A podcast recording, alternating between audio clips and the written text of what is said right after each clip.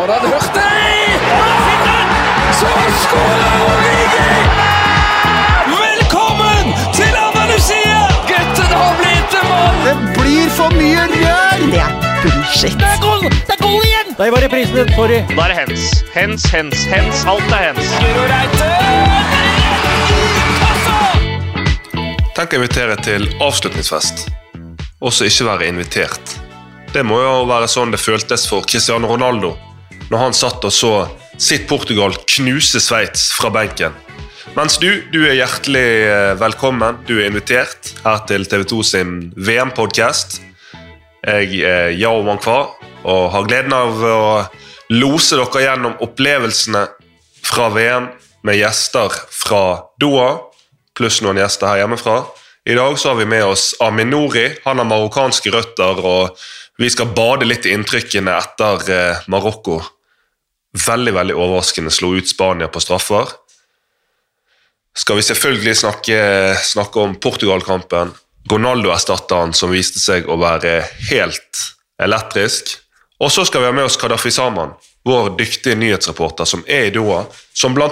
har vært på den cricketstadionen der alle migrantarbeiderne som har vært med på å bygge disse stadionene, eh, men ikke har råd til å dra på kamper, der de drar for å se VM. Og så må du huske på at fredag klokken to så har vi på TV2 Sport 2 og tv2.no terminlistesending for Eliteserien 2023. Dette er en podkast om VM, men vi kan ikke glemme norsk fotball. Vi tar over rettighetene på norsk fotball neste sesong, og klokken to så slipper vi altså terminlisten. Hvem skal ditt favorittlag møte i første runde, andre runde, tredje runde? Alt dette her og mye mer, det finner du altså ut på fredag klokken to, TV2 Sport 2 og tv2.no. Da skal vi se tilbake igjen til hva som har skjedd i VM. Etter et dramatisk gruppespill så var det duket for åttendedelsfinaler. Og der gikk ene forhåndsfavoritten etter den andre videre. Mye mer forutsigbart enn det det var i gruppespillet. Men så fikk vi et sjokk i dag når Marokko slo ut Spania på straffekonk. Og da måtte jeg selvfølgelig ringe min gode venn Aminori for å kommentere dette her eh, mirakelet fra Marokko. Amin, hvordan, hvis du bare kan fortelle helt kort om eh, hva er din, din tilknytning til Marokko? Eh, Foreldrene mine er fra, født i Marokko. Eh, jeg har ganske stor slekt fra Marokko, så det er, røttene mine er derifra. Så det er stor tilhørighet til, til Marokko. Og eh, hvor så du kampen? Du, jeg så den hjemme. Jeg skulle egentlig, jeg skulle egentlig se Jeg har et ungdomsprosjekt på Mortensrud, så vi pleier å ha VM-kvelder der. Eh, men nå, hvis, nå skulle kona jobbe kveld, så da måtte jeg dra litt før fire, sånn at jeg rakk å se, hente ungene og se kampen hjemme. Og hvordan var den eh, altså, Ta oss gjennom kampen og de følelsene som du hadde inni deg underveis. Nei, det var helt fantastisk. Det var som du sa, det var et mirakel. Det var mange som trodde at vi skulle, vi skulle slå ut Spania. Men jeg, skal, jeg, jeg, sa til folk at vi kommer til å vinne 2-1, sa jeg. Men eh, det ble ikke sånn. Men jeg tar eh, seier i straffesparkkonkurranse. Den jeg, jeg tar den hver eneste dag over Spania, så det er ikke noe å klage på. Så å se at vi, at vi gikk videre når vi møtte en så stor nasjon som Spania, det, det var deilig. Men når du, når du da er hjemme med ungene, skriker du, eller klarer du å forholde deg rolig? Nei, Jeg skreik. Straffesparkkonkurransen den så jeg faktisk i bilen. Hvorfor? Eh, eh, for han eldstesønnen hadde trening. Ok. Eh, Så hadde jeg han yngste bak, og så når eh, Hakimi sa til den siste avgjørelsen, så skreik jeg, og da begynte han eh, bak å hyle og ble redd. Så da, Ja, han, han, han begynte å grine. Det var mye følelsesting, så det var bra bil, Ja. at jeg ikke kjørte og så på, så på telefonen, så var det greit at jeg sto parkert og jubla i, i fred og ro. Og din store familie i Marokko, har du vært noe i kontakt med dem eller fått noen rapporter fra Du, jeg er så heldig at jeg har ganske stor slekt her i Oslo. Ok, ok. Eh, Så vi er en stor, stor, fin gjeng her, så eh, ganske mange som følger med. Mange som så den samla, og så var det noen som så den på Youngstorget. Ja, jeg gikk forbi der tidligere i dag, eh, Ja. før kampen hadde begynt. Og Ja, da nei, fikk- eh, var det allerede del- begynt å fylle seg opp. Ja, jeg fikk en del videoer av fettere fetter og venner som var der, så jeg skulle ønske jeg var der. Så jeg får, jeg får se om jeg tar turen dit på, på lørdag mot eh, Portugal. Men eh, om, om Marokko så langt, kampen i dag, hvilke spillere er det som eh, dine favoritter? Hvem har imponert deg mest? Hva har imponert deg mest med dette Marokko-laget? Du er spiller sjøl. Du har hatt en lang karriere, så du kan jo òg eh, se tingene som skjer på banen. Nei, jeg hørte, du, jeg hørte jo på episoden med deg og Kamal, dere har vært inne på han. Det er vel eh, Sofian Amrabat. Ja. Eh, han har jo vært motoren i laget, så han er helt fantastisk å se på. Høyresida har vært eh, veldig bra, men i dag så syns jeg eh, Bofal var helt eh, outstanding. De hoftebevegelsene og kroppsvinnene Oh. han hadde der det, Han sendte Lorente i pølseboa et par ganger der. Altså, det, var, det, var, det var veldig deilig å se på. Da Men slo jeg faktisk i bordet et par ganger. Det må jeg, jeg har aldri sett eh, Det var ett klipp med Kylian Mbappé fra tidligere der han fintet ut en bare med kropps, en kroppsfinte. Så var det en som eh, ble fintet ut. Men den her den var jo enda hakket grovere. To-tre kroppsfinter, og så Ja. forbi uten å, uten å røre ballen. Nei, vi marokkanere har det i hofta, vet du. Men hvorfor ja, Jeg så han hadde det, men jeg har ikke sett noen lignende finter fra deg eh, på banen. Nei, jeg, har ikke, det er ikke helt innøvd. Jeg har ikke helt en, jeg har ikke helt en rytme. Jeg sliter, jeg, er det noe jeg sliter med, så er det stive hofter. Og hva tror du om veien videre nå? Nei, hvis jeg skal være helt ærlig, så tror jeg, jeg tror vi slår Portugal. Tror du det? ja? Ja, helt, helt ærlig. Den tror jeg eh, Jeg, jeg, tipper, jeg, tipper, jeg tipper at det stopper på i semien. Ja. Eh, men eh, jeg, tror, jeg tror faktisk at vi slår, vi slår Portugal. Det er, vi har en go i laget der eh, som eh, måte mange har sett, eh, sett. Og det er ikke sånn at Du så jo at kanskje Spania ønsket seg Marokko ut ifra hvordan siste gruppekampen ble, men det tror jeg de angra på, på i dag. Mm. Men eh, første afrikanske land, da, hvis de klarer å komme seg til semi eh, i en semifinale i VM Men hva er det Har du fulgt litt med på fotballen i Marokko? Hva er det som gjør at de nå har så bra lag at de kan, at de kan ta seg så langt i et VM? Skal du ta laget som er nå, da? Nå har du på en måte individualister, ting som, folk som kan gjøre ting på egen hånd. Og største styrken som man kanskje ikke forbinder med afrikanske lag, det er den defensive strukturen. Ja, Det er det som har imponert meg mest med Marokko. De er Ja, så godt for- organisert, eh, kanskje Ja. best organiserte lag i hele mesterskapet. For når du har sett Afrikacup og sånt, så har det vært eh, offensivt, så har det jo vært eh, individuelle ferdigheter som har avgjort, eh, og defensivt har på en måte Du har ikke vært overraska, du begynner å le når du ser eh, forsvarsspillet, men akkurat nå så syns jeg det er Du så at Spania sleit i dag med å tre igjennom når de hadde ball. Eh, da de hadde ball, så det, var, det, var, det har vært faktisk veldig, veldig fint å se på, og se at eh, vi kan styre den delen av spillet òg. Men er det pga. treneren, eller er det pga. Hva, hva er det som gjør denne forandringen? Nå kommer jo han inn to og en halv måned før sluttspillet, så det er eh, å få gjort så mye på så kort tid, det skal veldig mye til. Eh, Mm. Men samtidig så, har han, så ser det ut som han har trykket på de riktige knappene, og så har du jo spillere i store klubber, store ligaer, eh, som på en måte har fått den organiseringen i, nede i ryggmargen, da, for hvis du kan si det sånn. Eh, Men du, du eh, som har røtter fra Marokko, men bor i Norge, spilt i Norge lenge. Vi har jo alle et ønske om at Norge skal i hvert fall komme seg til EM. Neste EM, Tyskland 24, og VM selvfølgelig til den tid, i 26. Ja. Vi har jo òg spillere i store klubber, men hva er det du syns norske landslag kan lære av det marokkanske landslaget? Hvis jeg skal trekke frem en ting, det er kanskje at ikke Marokko eh, feiler i de store øyeblikkene. Sånn som de har gjort i den kvaliken her, eh, og i mesterskapet. Eh, å prestere når, når det virkelig gjelder. da. Mm. Det er det jeg føler på en måte med Norge i det siste. så har en måte, De har hatt muligheten, og så har de feilet akkurat ved, ved målstreken. Eh, men som du sier, da, nå har vi begynt å få spillere i store ligaer, folk som har store roller i de klubbene de er i. Eh, så jeg håper virkelig at eh, Norge kommer til et sluttspill, fordi vi ser hva det gjør med befolkningen og stemningen som er i det landet. og Jeg husker hvordan det var i, i 98, da Norge var med og Marokko var med. De var forresten, de spilte mot hverandre. Ja, ja. ja. Eh, Hvordan var det for deg, da? Husker du det? Jeg husker det. Det, det sykeste er at det, det Eggen, som skåret 2-2-målet for Marokko Nei, for Norge mot Marokko. Ja. Han hadde det som eh, lærer på Vang. Men ble, du, ble du sur eller glad da når han skåret? Eh, Jeg ble irritert, og jeg ble enda mer irritert da jeg fikk han som trener. Han skal, han skal ha jævla fin fyr, veldig fin fyr. Men det målet der irriterte meg at han putta, at han putta sånn at det ble 2-2. Sa du det til han da? Nei, faktisk ikke. Jeg har møtt han flere ganger. Jeg møtte han senest nå i sommer. Okay. Men eh, jeg håper, håper han hører på podkasten. Jeg skal sende den Ja, til jeg håper. Ja, du må sende til han. Nei, men eh, Det blir jo selvfølgelig veldig veldig spennende å følge Marokko eh, mot Portugal. Over til den andre kampen. Portugal rett og slett bare knuser Sveits. Litt spenning før kampen. Portugal uten Ronaldo. Han har ikke vært så bra.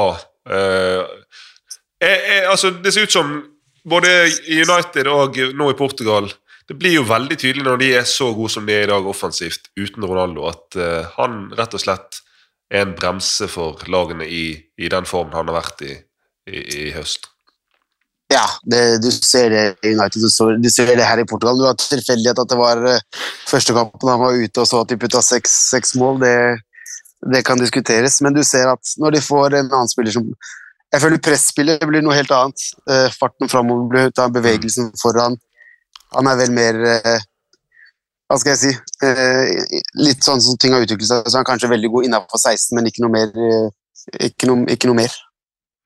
Og hvis du Hvordan Hvilke inntrykk fikk du av eh, Gonzalo Ramos i dag? Selvfølgelig fantastiske mål, men eh, det er jo en spiller som ikke så mange har sett eh, så mye av, selv om han har spilt i Champions League med Benfica.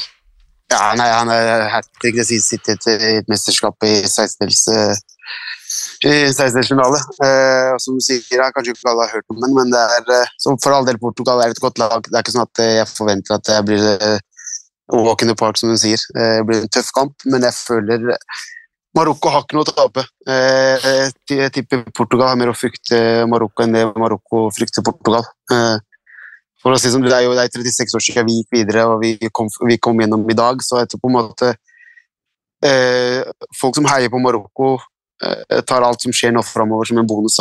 Eh, vi er på en måte stolte av hvordan de har spilt og hvor langt vi har kommet. og så Kommer vi videre nå på lørdag, så, så blir det god, god stemning på Youngstorget og hjemme her hvis vi ser den her. Jeg, eh, jeg eh, kan se for meg det koket som kommer til å bli uansett utfall underveis i den kampen. Jeg har jo fått litt inntrykk av eh, Jeg er jo halvt ganeser, så jeg kan bare forestille meg hvordan jeg hadde opplevd det hvis det var Ghana som var i Marokko sin posisjon nå. Men eh, tusen takk for å være med, Amin, og så ønsker jeg deg og Marokko lykke til mot eh, Portugal. Kanskje kan det bli første afrikanske lag i en semifinale i VM. Jeg håper det, og tusen takk for at jeg fikk komme. Og så har jo jeg eh, med meg òg på denne episoden her for å snakke om sin opplevelse fra Qatar. En, en mann som har dekket veldig mye forskjellig, veldig mye dramatisk, men aldri et fotballmesterskap. Kadafi Saman, velkommen til eh, vår VM-podkast. Tusen takk, veldig hyggelig. Du har, men du har vært på kamp i dag? Ja, vet du hva? I dag var jeg på Marokko-Spania. helt fantastisk. Altså, det var en helt sinnssyk stemning. Jeg tror det var nesten 50 000 mennesker inne på arenaen. og det vi tenkte var at Vi må følge marokkanske fansen, fordi de er godt synlige her i Doha. De er overalt. Og når de nå har kommet så langt, så har det jo kommet enda flere fra Marokko. Så vi ja, var på metroen med dem, og metroen rista. Eh, du kan si Bybanen, holdt jeg på å si, rista.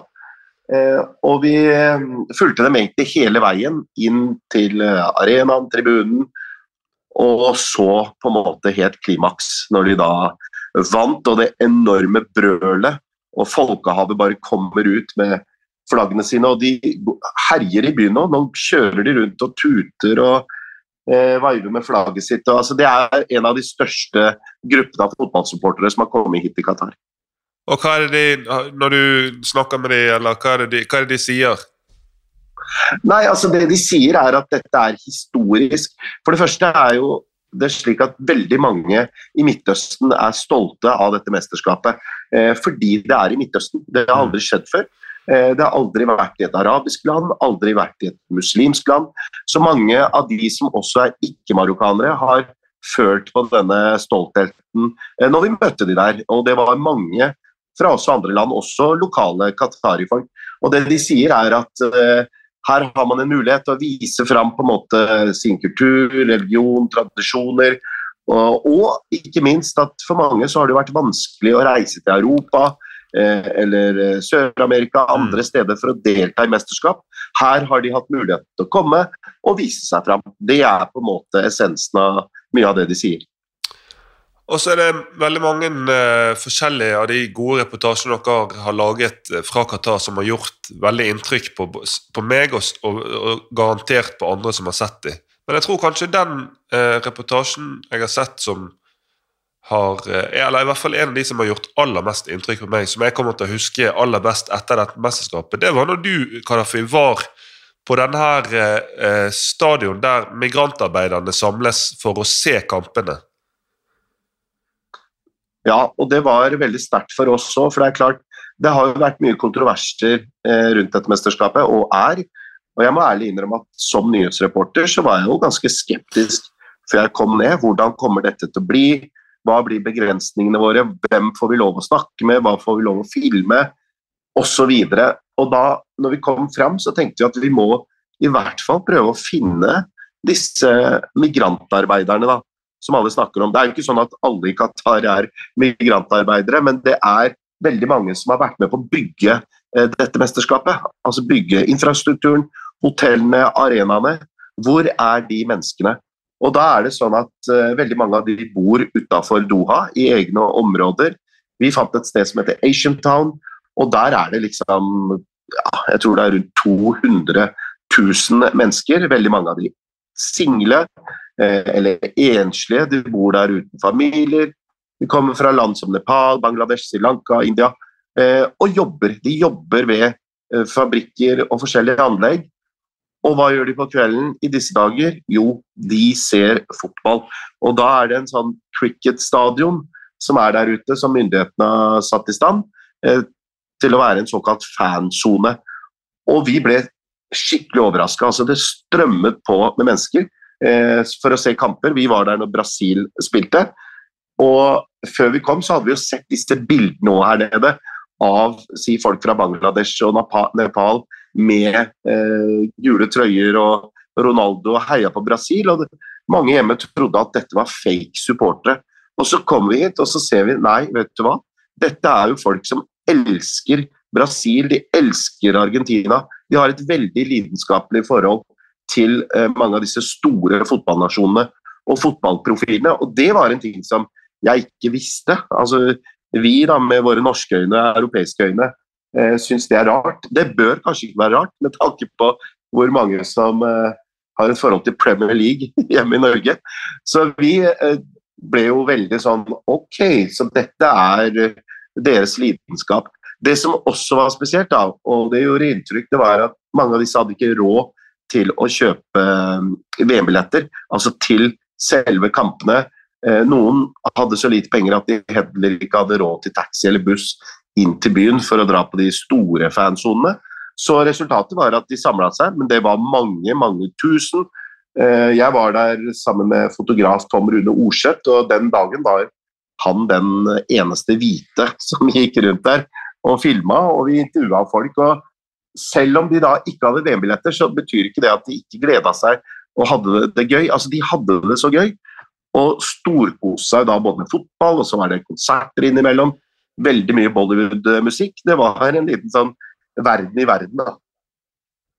Ja, for det, sånn umiddelbart, når du tenker at uh, ja, de har åpnet en cricketstadion utenfor uh, altså et stykke utenfor der det egentlig skjer, uh, der alle disse fattige migrantarbeiderne blir Det er det eneste stedet de har, råd til, eller kanskje til og med får lov til å delta i VM-opplevelsen. Så høres det jo veldig trist ut i utgangspunktet, men ut, på den reportasjen virket det jo som det var en annen stemning enn jeg hadde sett for meg. Ja, og, eh, det følte vi på. Altså, vi følte det veldig at her var det en skikkelig sånn positiv vibe. Og nå etter hvert så har vi jo sett at eh, mange av dem, eh, de som har eh, altså penger, de er inne på disse andre fansonene i Doha sentrum. Det er jo mer enn ti stykker av dem. Der er det jo bl.a. full alkoholservering, og det er titusener av mennesker da, som samles fra, fra hele verden. Og der ser vi at det er også migrantarbeidere der. Man har skaffet f.eks. en VM-billett til én kamp, kanskje en som ikke er så populær, en som ikke er så dyr. Og da får man tilgang til alle disse fansonene. I tillegg så er jo metroen, altså T-banen her, eh, gratis under VM. Så det inntrykket vårt har nok blitt litt moderert nå som vi har vært på disse arrangementene og sett at uh, det er ikke sånn at migrantene, eller spesielt migrantarbeiderne, er kun utafor byen. Nå har vi liksom skjønt mer av det, at uh, mange av dem er, altså, de er på de andre stedene hvor alle andre er. Nå når du har eh, ferdes i Qatar, du har vært på den cricketarenaen og den opplevelsen der, eh, og du har snakket med en del migrantarbeidere, hvem, hvilke samtaler er det eh, Og det, det, er første gang du dekker et fotballmesterskap. Sett i lys av alt dette, hvilke samtaler har du hatt i Qatar som du kommer til å huske best når du reiser hjem etter mesterskapet? Nei, det, det er flere ting. Det ene er jo at her nede så har de nok eh, en del andre kampsaker enn det vi har. Vi har hatt mye fokus på regnbueflagget, homofile og lesbises rettigheter. Eh, kjempeviktig sak. Her, eh, de folka vi møter med, spesielt de fra Midtøsten, f.eks. fansen fra Marokko i dag, mange av dem gikk rundt med Palestina-flagget. Det var på en måte en veldig viktig kampsak for dem. Det har man sett nå også på mange av kampene, at de har andre saker som de ønsker å fronte. Så når kollegaene mine slår på lyset på kamera, så kommer folk foran kamera og prøver da å komme med sitt budskap. Det er ikke så mange med regnbueflagget, eh, må jeg ærlig innrømme, men det er veldig mange med Palestina-flagget. Så det er én ting som jeg kommer til å huske, altså at uh, verden er forskjellig, vi har forskjellige kampsaker. Det andre er også det mange av disse arbeiderne sier, er at hvis de ikke hadde vært her, så hadde de hatt det fryktelig dårlig i hjemlandet sitt. Altså Det er en grunn til at de mm. kommer hit, og det er for å tjene penger og brødfø familien. Og Det som gjør inntrykk, er at de sender så mye penger hjem at mange av dem sier at uh, det eneste de har igjen, er egentlig penger til mat. Uh, og en de kjørte taxi med, sa at han ikke hadde spist på søndag. Og årsaken var at han hadde sendt det meste til barna sine og, og kona si. Så det er ganske sånne sterke dramatiske historier, mens andre vi møter, sier at de har det kjempebra, tjener mye penger, eh, er veldig fornøyd med at de slipper å betale skatt her i Qatar. Det er null skatt. Å, er det null skatt? Litt, ja, det er null skatt. Altså, du, det, du, okay. det, du, tjener, det får du, så du betaler ikke noe skatt. Så det er litt sånn avhengig av hvem man snakker med, og, og der må jeg også si at som nyhetsjournalist så har vi vært opptatt av å se disse nyansene. Og en migrant her det er alt fra en flyver til han som feier gata. Så du mm. har på en måte 85% av befolkningen er ikke lokale, altså de er ikke qatarier. Baksiden av det er at de heller aldri kan få statsborgerskap, aldri få nasjonalitet. Så sett med våre øyne, da, norske øyne, så er det jo dette et helt annet samfunn. Det er et autoritært regime hvor folk er livredd myndighetene. De tør knapt å gjøre noe feil. Eh, hvordan, hvordan merker du det, at de er livredde? Nei, I dag merka vi f.eks. at vi skulle bli plukka opp utenfor stadion, og da turte ikke sjåføren å, å stoppe bil eh, ja, for å plukke oss opp, fordi han var livredd eh, for at eh, det kunne få ganske dramatiske konsekvenser. Eh, det er veldig rent her, det er ingen som kaster søppel. Det er bra, men det er bare sånn, det er ikke bare miljøhensyn, men det er også frykt. Eh, og så er det ikke minst at når vi snakker med folk, så er de forsiktige. altså De roser myndighetene. Dette er jo et veldig high-tech eh, land, eh, gjennomovervåka både med kameraovervåking, men også andre ting som de har tilgjengelig. Så det merker man at det er et regime som har full kontroll, og at folk ikke tør kanskje alltid å si sin oppriktige mening. Vi merka det spesielt under USA- og Iran-kampen, hvor det var en del folk fra Iran som hadde kommet, og som var forsiktige med å ytre seg også her, da, fordi de tenkte at uh, qatarske myndigheter kunne, kunne, følge med på dem. Så det er klart at det er mange sider her. Uh, mye er ikke bra, men så er det jo alt det der rundt fotballen og rundt fansen som er veldig bra. Og en annen ting som jeg må si, er jo at når vi møter folk fra Mexico eller Brasil, eh, andre land langt unna Skandinavia, så er ikke de heller så veldig opptatt av det fokuset vi har hatt i Skandinavia. De er her for å først og fremst heie på lagene sine og se fotball og se eh, fotballspillerne skåre mål. Og de er bare sånn Hallo, eh, hva er det dere har fokus på? Det samme sier jo mange av de reporterne da, fra, fra de landene som ikke har den dekninga som, som, vi har. Og så lurte jeg på eh, altså Du har ikke vært eh, og dekket eh, tidligere fotballmesterskap, men det pleier jo eh, å være selvfølgelig pleier mesterskapet å være en folkefest, men det pleier jo òg å være en fyll, fyllerfest med mye alkohol, hooligankultur. nå er det jo på mange måter et mesterskap ikke uten alkohol, men med langt mindre alkohol i både i fanzone og i hele bildet. Eh, hva, hvordan har den eh, dialogen altså Hvordan har det vært? Hvordan har du opplevd det blant fans? Du har vært mye i fansonen. Hvordan reagerer de på at det er litt mer restriktivt i forhold til alkohol? Nei, det er blanda. Vi har snakka med en del kvinner som syns det er kjempebra, og barnefamilier som syns det er bra at det ikke serveres alkohol på stadionet. Eh, for da slipper de å bli utsatt for trakassering og ja, sånn ufin oppførsel, rett og slett. Det er det mange kvinner fra hele verden som har sagt til oss at det er veldig bra at det ikke er alkohol der, men at man kan få det på denne fansonen. Der er det skjenking i seks timer, og du kan drikke så mye øl du vil. Det er ikke noe, er ikke noe annet tilbud uh, enn det. Så det er det spesielt kvinnene som har sagt. Men så er det jo sånn at vi har jo møtt f.eks. fans fra Storbritannia, eh, Tyskland, eh, altså land med en fotballkultur hvor øl er eh, tilbehør, og det må være med. De eh, syns ikke det er greit at det ikke er øl på stadionet. De syns heller ikke det er greit at det er dyrt. Altså Med dyrt mener jeg det er norske priser her, litt mer norske priser. 140 for en halvliter. Så de klager, eh, klager veldig på det. Men når de kommer til fansonen, så, så, så hiver de innpå. Så det er jo den sida. Myndighetene her nede mener jo at uh, dette har ført til at man ikke f.eks. har hatt noen store altså At det har vært mye bråk, sammenstøt, uh, skadeverk, hærverk og sånt. Og det merka jeg sjøl da jeg var på en sånn fansone her om dagen. Og med en gang det var skjenkestopp, så dro folk for å finne taxi og T-baner og, og komme seg til hotellene sine. Så det er en sånn eh, ja, det, er, det, er, det, sier de folka som er her, som har dekka mange mesterskap, at dette, det er et sånt islamsk preg over det, da, hvis man kan si det sånn. Jeg skjønner. Og du blir helt uh, ut mesterskapet, eller skal du hjem før finalen? Nei, vet du hva, jeg drar nå snart om noen dager, så da er det andre fra nyhetene som overtar. Og det syns jeg er veldig kult, da, at vi har et samarbeid mellom sporten og nyhetene, sånn at man kan både fokusere på det som skjer på banen, men så lage nyheter på alt det som er rundt, og spesielt det som er kontroversielt, men også det som er positivt. fordi det er viktig å vise det som skjer. Altså Det ekte bildet er jo et totalbilde. Eh, mm. og, det er jo på en måte jobben til, til nyhetsjournalistene. da.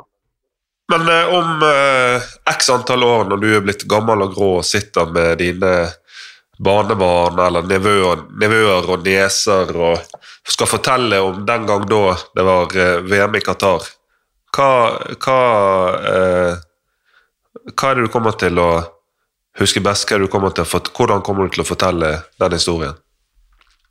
Nei, Jeg kommer til å fortelle historien om at jeg møtte mennesker fra hele verden. Eh, folk som vanligvis kanskje ikke har mulighet til å møtes. Mange av de vi ser her, hadde nok ikke fått visum til Europa hvis det hadde vært et mesterskap der. Så den smeltedigeren og den folkefesten med alle mulige varianter og farger og religioner eh, i en skjønn blanding, det er sånn bilder jeg kommer til å ha i hukommelsen eh, resten av livet. Jeg tror det der er en veldig god avslutning på episoden, og det er noe som jeg eh, aldri har tenkt på. Hvis det er mesterskap i Tyskland, hvis det er mesterskap i Ikke minst hvis det er mesterskap i USA. Det er jo en veldig stor del av verden som ville slitt enormt med vis, visumtrøbbel. Ja, jeg tror ikke, og det sier de alle her, at de er så glad for at det er i Midtøsten, for da kan de komme hit. Eh, og at hadde det vært i et vestlig land, så hadde de kanskje blitt nekta adgang, rett og slett. Og så er det jo selvfølgelig på den, på den andre siden så er det jo noen som La oss si du er en homofil person, så vil du føle at dette er det mest ekskluderende mesterskapet noensinne. Ja, og det er jo alle disse kontroversene rundt mesterskapet som jeg syns er viktig at vi i pressen belyser. ikke sant? Mm. Og vi i Skandinavia har jo et mye større fokus på det, med rette, mener jeg. Og så må vi også på en måte samtidig eh, forstå at eh, andre land har andre kampsaker. Så når det kommer Mm. journalister fra Algerie eller Tyrkia, så har de fokus på f.eks. palestinernes sak. Eh, så vi må også forstå at eh, verden er ikke sånn som vi ser den alltid. Herfra så ser den helt annerledes ut. Og Derfor er det helt gull å kunne få høre fra dere som er der nede, for å få av og til litt eh, andre perspektiver. Så tusen takk, Kadafi, som var med, og så ønsker jeg deg en veldig veldig god tur igjen når den tid kommer. Tusen, tusen takk. Veldig hyggelig. Gode perspektiver, gode kamper. Nå eh, begynner det å knytte seg til i sluttspillet. Vi er altså ferdig med åttendedelsfinalen og skal over på kvartfinalene. Det er noen gigantiske oppgjør som venter på oss. Frankrike-England er en kamp som jeg eh, allerede har begynt å glede meg til. Og så ligger det jo an til at hvis Brasil og Argentina vinner sine kvartfinaler, så er det altså de som møtes i en semifinale. Det tror jeg kommer til å bli en av VM-historien sine villeste kamper. Vi er selvfølgelig tilbake igjen med ny VM-podkast i morgen. Men så vil jeg bare igjen minne om fredag klokken to så er det både på TV2 Sport 2 og på tv2.no terminlistesending for Eliteserien 2023. Vi tar over rettighetene, vi går all in, og eh, på fredag kan du altså finne ut hvem ditt favorittlag skal møte i første kampen, andre kampen, tredje kampen osv. Og, og mye mer. Vi snakkes! Så skåler Origi!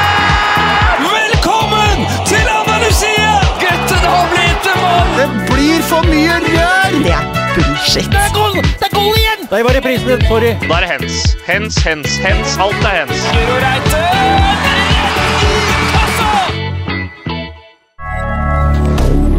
Moderne media.